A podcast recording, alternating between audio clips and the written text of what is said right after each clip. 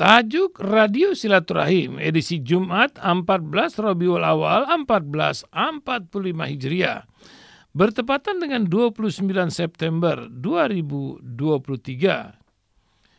Kisah Tobat Sastrawa, Sastrawan Lekra Partai Komunis Indonesia. Sebuah tulisan Arta Wijaya, wartawan dan penulis dari hidayatullah.com. Namanya Saleh Iskandar Pura Disastra. Sering disingkat dengan SI Pura Disastra. Ia punya nama lain, Bujang Saleh. Nama ini di kalangan seniman pada masa lalu cukup dikenal. Ia disebut sebagai sastrawan berideologi manis komunis sebagaimana seniman dan sastrawan berideologi kiri lainnya seperti Pramudia Anantatur dan Utui Tatang Sontani. Bujang Saleh yang lahir di Jakarta pada 25 Desember 1923 aktif dalam lembaga kebudayaan rakyat alias Lekra organisasi yang menjadi underbow Partai Komunis Indonesia PKI. Yang menjadi unik dari perjalanan hidupnya, dia salah satu dari ketiga sastrawan kiri Pramudia Ananantur dan Utuy Sontani memiliki akhir hidup yang mengesankan.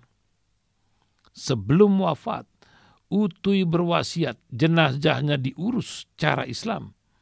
Pram panggilan Pramudia Anantatur mengirim putrinya untuk belajar pada Buya Hamka. Bahkan ia memuji kehebatan tauhid ulama asal Minangkabau tersebut.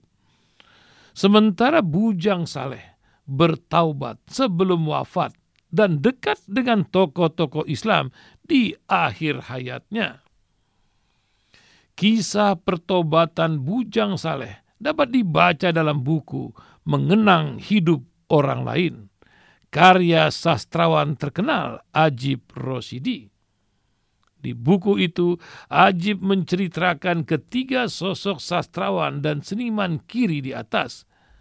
Uniknya, baik Pram, Utuy, dan Bujang Saleh, seperti diceritakan Ajib, pernah merasakan kesulitan ekonomi sebelum akhirnya direkrut oleh Lekra PKI.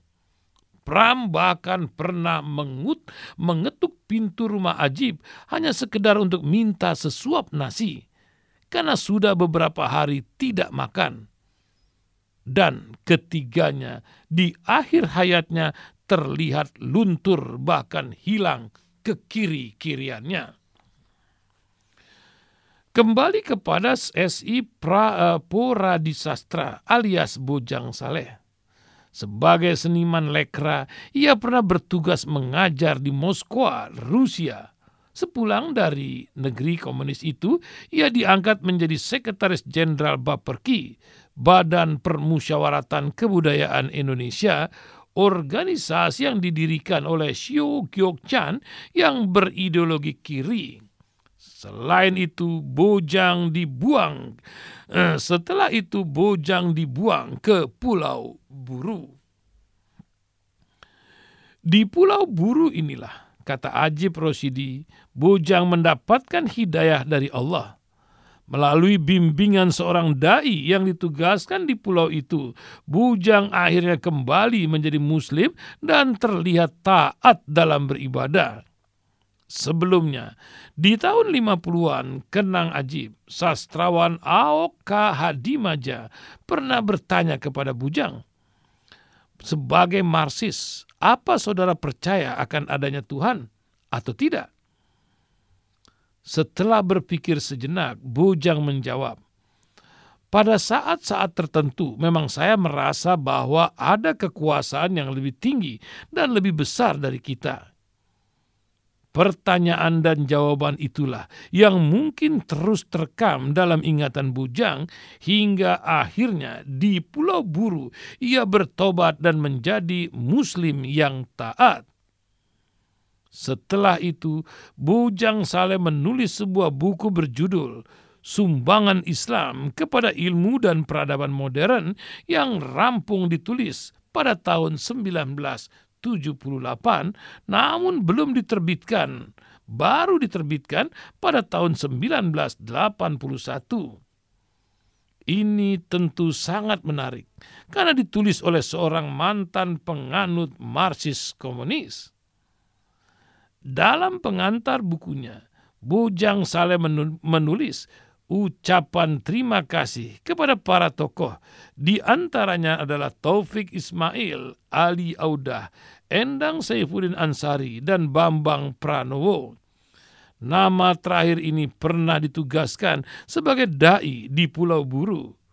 Kabarnya yang menugaskan adalah Muhammad Nasir. Demikian sedikit kisah tentang SI Puradisastra alias Bujang Saleh. Semoga Allah Subhanahu wa taala mengampuni dosa-dosanya dan menerima amal ibadahnya. Amin ya rabbal alamin. Wallahu a'lam bissawab.